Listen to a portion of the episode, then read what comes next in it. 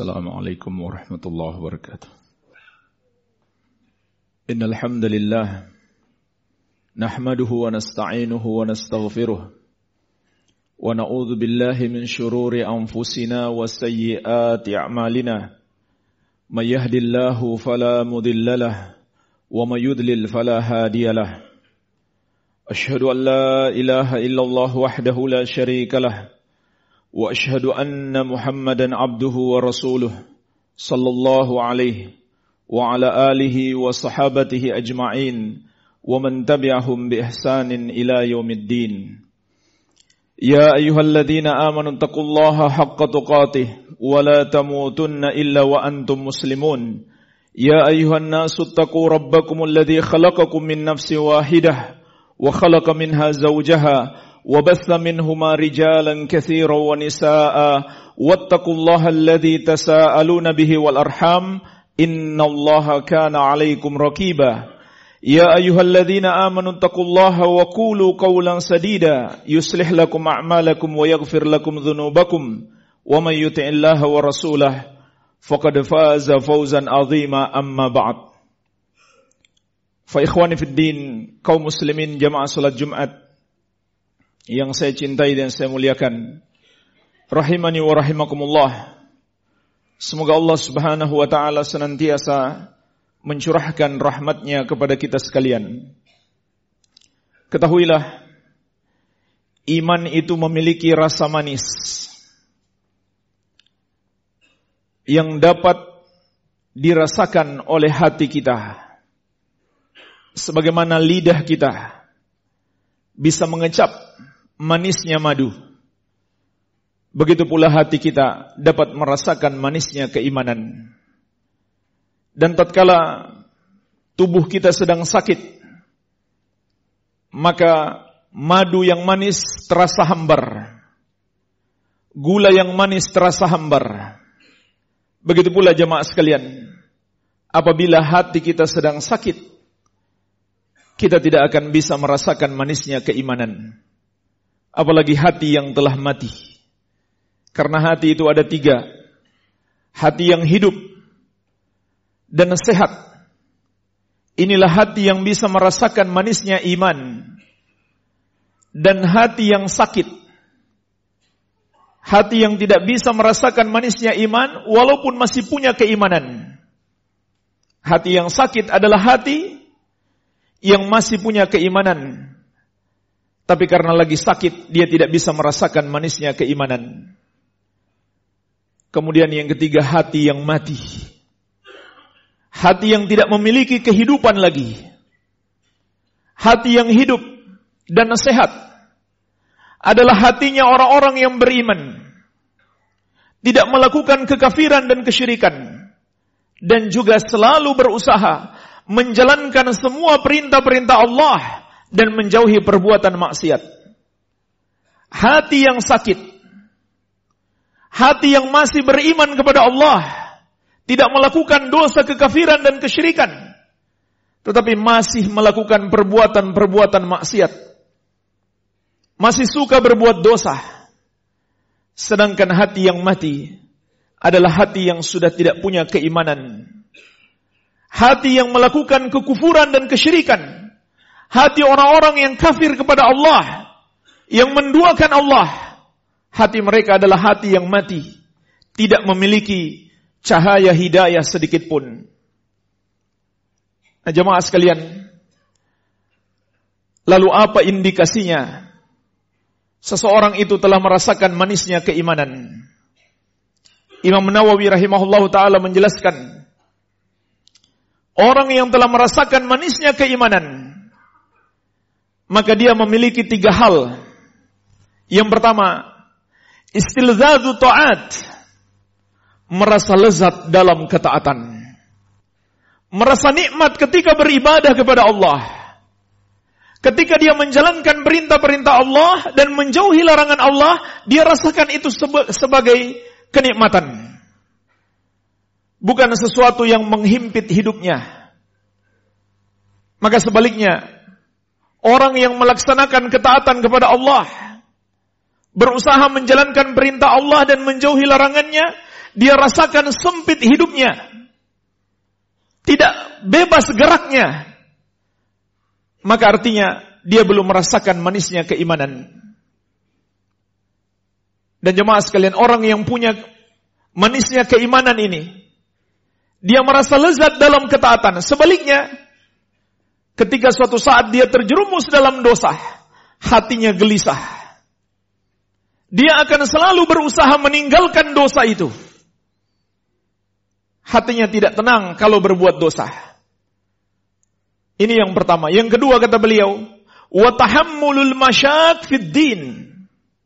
Orang yang telah merasakan manisnya keimanan, maka dia tegar, kuat, kokoh dalam menjalankan perintah-perintah Allah walaupun menghadapi beban yang berat. Walaupun dia rasakan berat, tetapi dia punya kekuatan, dia tegar, dia hadapi. Adapun orang yang belum merasakan manisnya keimanan, walaupun dia berusaha untuk taat, namun ketika dihadapi oleh dihadapi dengan dia berhadapan dengan ujian-ujian yang berat, maka dia pun mundur. Dia berpaling dari ketaatan kepada Allah. Kemudian yang ketiga kata beliau, wa itharu dzalika ala a'radid dunya. Orang yang telah merasakan manisnya keimanan. Dia akan lebih mementingkan urusan akhirat. Dia lebih mementingkan agamanya dia lebih mengutamakan ketaatan kepada Allah daripada kenikmatan dunia.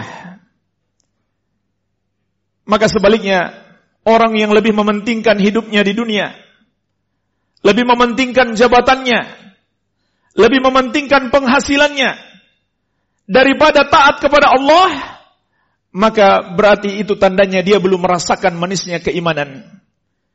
Itu tandanya hatinya sedang sakit atau bahkan mungkin telah mati. Nah jemaah sekalian, bagaimana caranya agar kita mendapatkan manisnya keimanan ini? Di dalam hadis yang diriwayatkan Al-Bukhari dan Muslim dari sahabat yang mulia Anas bin Malik radhiyallahu anhu, Rasulullah sallallahu alaihi wasallam telah mengajarkan kepada kita, "Salasun man kunna fihi wajada bihinna halawatal iman." Ada tiga perkara Barang siapa yang memilikinya, dia akan menggapai manisnya keimanan. Jadi, milikilah tiga perkara ini. Agar kita merasakan manisnya keimanan. Agar iman kita berbuah. Karena manisnya keimanan, kata para ulama, adalah samaratul iman. Buah dari keimanan. Hasil dari keimanan. Kalau iman kita benar, maka iman kita akan membuahkan hasil. Hasilnya adalah kita menggapai manisnya keimanan tersebut. Maka Nabi Shallallahu Alaihi Wasallam memberikan bimbingan kepada kita. Ada tiga yang harus kita miliki agar kita menggapai manisnya keimanan. Yang pertama kata beliau, ayyakunallahu wa rasuluhu ahabba ilaih mimma siwahuma. Hendaklah Allah dan Rasulnya lebih dicintai oleh seseorang daripada apa pun selain keduanya. Inilah yang pertama jemaah sekalian. Jalan untuk menggapai manisnya keimanan. Allah dan Rasulnya harus lebih kita cintai daripada apa pun juga. Daripada siapa pun juga. Dan ketahuilah jemaah sekalian. Mencintai Allah adalah ibadah yang sangat agung. Bahkan Allah telah mengabarkan kepada kita di antara bentuk kesyirikan orang-orang musyrik jahiliyah dahulu. Mereka mempersekutukan Allah dalam cinta. Sebagaimana dalam surat Al-Baqarah ayat 165. Wa minan nasi may yattakhidhu min dunillahi andada yuhibbunahum kahubbillah. Dan di antara manusia ada yang menjadikan selain Allah sebagai sekutu-sekutu bagi Allah. Mereka berbuat syirik kepada Allah Azza wa Jalla dengan menjadikan makhluk sebagai sekutu bagi Allah. Bagaimana caranya? Jemaah sekalian mereka berbuat syirik Kata Allah, yuhibbunahum kahubbillah. Mereka mencintai makhluk-makhluk tersebut seperti kecintaan mereka kepada Allah. Jadi mereka samakan cinta mereka kepada Allah dan cinta mereka kepada makhluk. Cinta kepada Allah adalah ibadah. Maka ketika seseorang menyamakan cintanya kepada makhluk dengan cinta kepada Allah, dia telah berbuat syirik. Dan maksud cinta ibadah di sini adalah kecintaan yang disertai dengan pengagungan. Pengagungan kepada Allah dan penghinaan diri kita di hadapannya serta ketundukan yang mutlak. Apa pun yang Allah perintahkan, kita tunduk dan patuh. Apa pun yang Allah larang, kita jauhi. Kalau kita jadikan makhluk seperti ini, maka kita telah menduakan Allah dengan makhluk tersebut. Kalau ada makhluk, kita cintai dia, disertai dengan pengagungan, dan kita merasa rendah di hadapannya. Semua yang dia perintahkan kita taati. Tidak peduli itu benar atau salah. Maka ketahuilah jemaah sekalian, kita telah menuhankan dia. Semua yang dia larang, kita tinggalkan. Padahal bisa jadi yang dia larang itu justru Allah perintahkan. Kalau kita menaati dia, meninggalkan semua yang dia larang, walaupun itu perintah Allah, maka kita telah menuhankan dia. Kalau kita lakukan itu, karena kita cinta kepadanya, disertai dengan pengagungan dan perendahan diri di hadapannya, dan ketundukan yang mutlak kepadanya, siapa pun dia, makhluk apa pun dia. Oleh karena itu jemaah sekalian, Ketahuilah, wajib bagi kita menaati orang tua kita. Wajib bagi kita menaati pemimpin kita. Tetapi itu ada batasannya. Batasannya adalah kalau yang dia perintahkan kepada kita tidak bertentangan dengan syariat Allah. Rasulullah sallallahu alaihi wasallam menegaskan, la ta'ata li makhluqin fi maksiatil khaliq tidak boleh taat kepada makhluk dalam bermaksiat kepada Allah Sang Pencipta. Kenapa kita selalu taat kepada orang tua kita? Karena kita cinta kepada mereka. Tetapi jemaah sekalian, Allah yang lebih layak dicintai. Kenapa kita cinta orang tua kita? Karena mereka sangat baik kepada kita. Maka ketahuilah Allah jauh lebih baik kepada kita daripada orang tua kita. Mengapa kita taat kepada pemimpin kita? Mengapa kita taat kepada komandan kita? Mengapa kita taat kepada bos kita? Karena kita takut kepadanya. Maka ketahuilah, azab Allah lebih pantas ditakuti.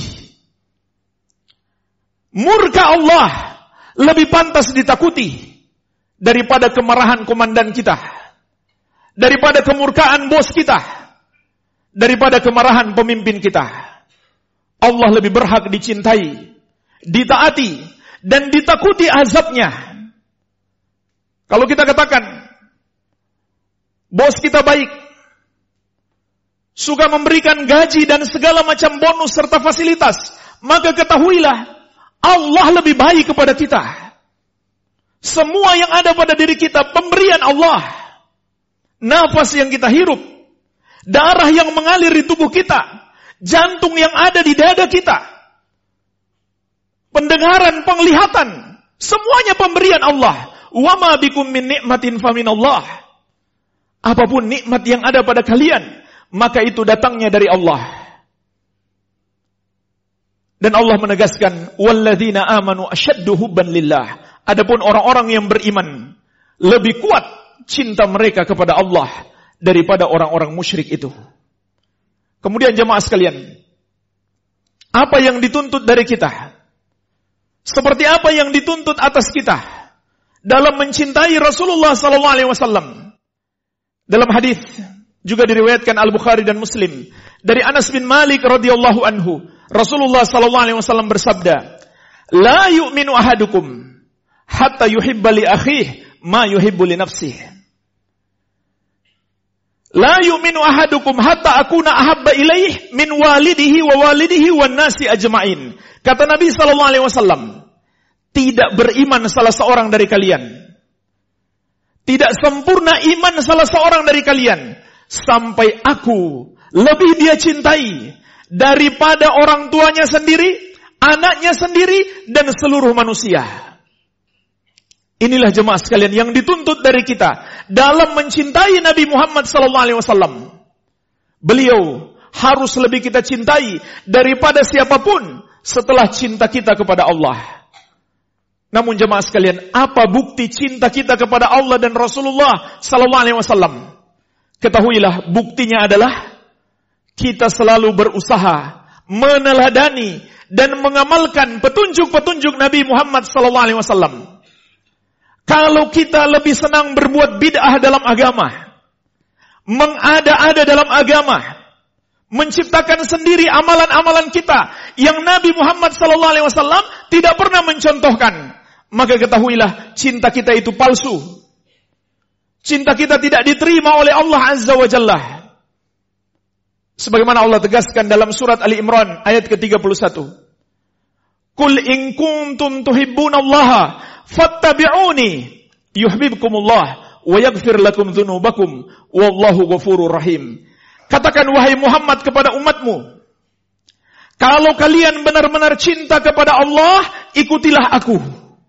Ikutilah Rasulullah sallallahu alaihi wasallam, barulah Allah akan mencintaimu dan mengampuni dosa-dosamu dan Allah Maha Pengampun lagi Maha Penyayang.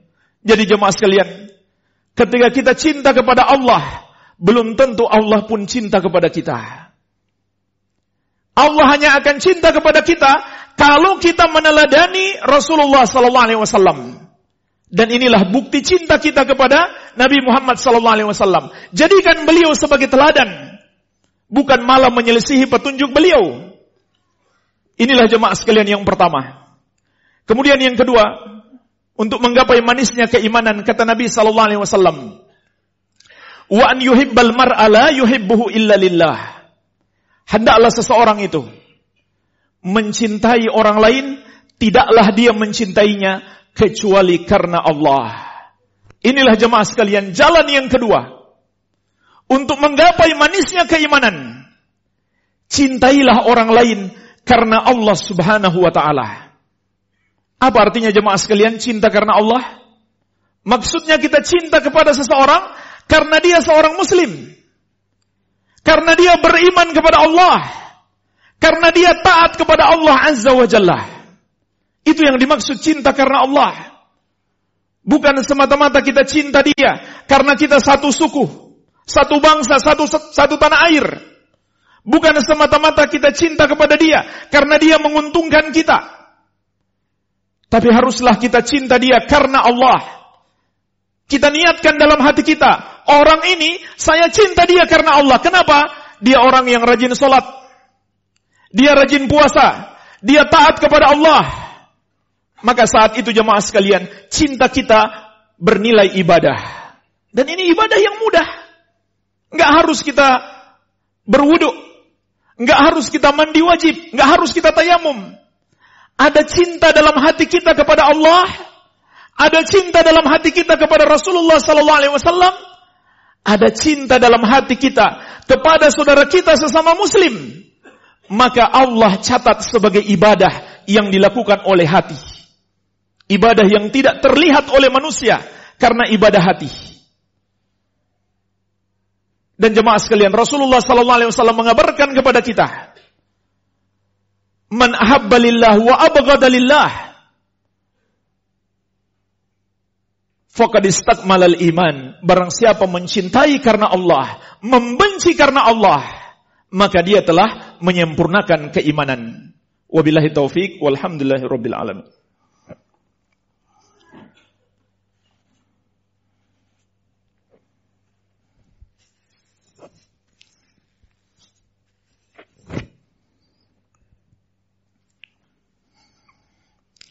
Alhamdulillah. Wassalatu wassalamu ala rasulillah Wa ala alihi wa sahbihi wa man walah. Wa la hawla wa la quwata illa billahi amma ba'd. Fa ikhwani din Jamaah salat Jumat Rahimani wa rahimakumullah. Semoga Allah Azza wa Jalla senantiasa mencurahkan rahmatnya kepada kita sekalian. Rasulullah sallallahu alaihi wasallam mengabarkan kepada kita yang ketiga untuk menggapai manisnya keimanan wa ayyakraha ayyauda fil kufri ba'da id anqadhahu Allahu minhu kama yakrahu ayyuqadzafa fin nar. Agar seseorang itu mendapatkan manisnya keimanan. Yang ketiga kata Nabi sallallahu alaihi wasallam, hendaklah dia membenci untuk kembali melakukan dosa kekafiran setelah Allah memberikan hidayah kepadanya sebagaimana dia benci kalau dirinya dilempar ke dalam api. Bahkan disebutkan dalam riwayat yang lain, riwayat yang sahih juga diriwayatkan Al-Bukhari, Nabi SAW mengatakan, wa an ya wa an yukraha finnar ahabba ilaih min an yauda ilal kufri. Seseorang itu tidak akan merasakan manisnya keimanan sampai dilempar ke dalam api lebih dia sukai daripada harus kembali melakukan dosa kekafiran. Inilah jemaah sekalian, jalan yang ketiga agar bersemi iman di hati kita, agar kita rasakan manisnya keimanan, maka kita harus membenci dosa kekafiran kepada Allah Azza wa Jalla sebenci-bencinya. Bahkan melebihi kebencian kita. Kalau diri kita dilempar ke dalam api. Oleh karena itu dalam hadis yang lain, Rasulullah sallallahu alaihi wasallam berpesan kepada kita, "La tusyrik billah Wa in kuti'ta wa. Janganlah kamu mempersekutukan Allah. Jangan kamu menyembah kepada selain Allah. Jangan kamu akui ada Tuhan yang lain selain Allah. Walaupun kamu dibunuh dengan cara yang paling kejam. Yaitu dicincang-cincang ataupun dibakar. Maka jemaah sekalian, kata Nabi Shallallahu Alaihi Wasallam, kalau kita lebih memilih Seandainya kita dihadapkan pada dua pilihan, masuk ke dalam api, mati, ataukah tetap mempertahankan keimanan, maka kita tidak akan merasakan manisnya keimanan. Sampai kita memilih masuk ke dalam api, itu lebih kita sukai daripada kita lepaskan keimanan kita. Kenapa jamaah sekalian? Kalau kita mati dengan cara yang paling kejam sekalipun, maka kematian itu adalah akhir penderitaan kita. Tetapi kalau kita mati dalam keadaan kafir kepada Allah, walaupun kita mati dalam keadaan sejahtera, dalam keadaan kaya raya, harta yang melimpah, jabatan yang tinggi, tapi kita dalam keadaan kafir kepada Allah, maka jemaah sekalian telah menanti azab yang sangat pedih bagi kita di alam kubur. Kemudian azab di hari kebangkitan. Dan azab neraka yang sangat pedih. Dan ketahuilah seorang muslim itu. Sejelek-jeleknya seorang muslim. Selama masih ada keimanan dalam dirinya. Walaupun dia banyak melakukan dosa. Sampai mati dia tidak bertobat. Masih ada harapan dia mendapatkan ampunan. Kalaupun dia diazab oleh Allah. Maka azabnya tidaklah kekal akan tetapi apabila seseorang mati dalam keadaan kafir, dalam keadaan menyembah kepada selain Allah, atau membenarkan agama selain Islam, maka jemaah sekalian tidak ada harapan dia selamat dari api neraka. Dia kekal di dalamnya untuk selama-lamanya. Sebagaimana Allah telah ingatkan dalam banyak ayat. Di antaranya dalam surat Al-Bainah ayat ke-6. Innal kafaru min ahlil kitabi wal musyrikina Sesungguhnya orang-orang kafir yang berasal dari dua golongan. Golongan yang pertama adalah ahlul kitab, Yahudi dan Nasrani. Kenapa mereka disebut ahlul kitab? Karena dulu Allah pernah memberikan kepada mereka kitab Taurat dan Injil. Kemudian mereka rubah-rubah kitab Allah. Golongan yang kedua, al-musyrikin. Semua orang yang menyembah kepada selain Allah. Yang menduakan Allah. Yang menuhankan selain Allah. Di mana tempat mereka? Finari jahannam khalidina fiha. mereka kekal di neraka jahanam.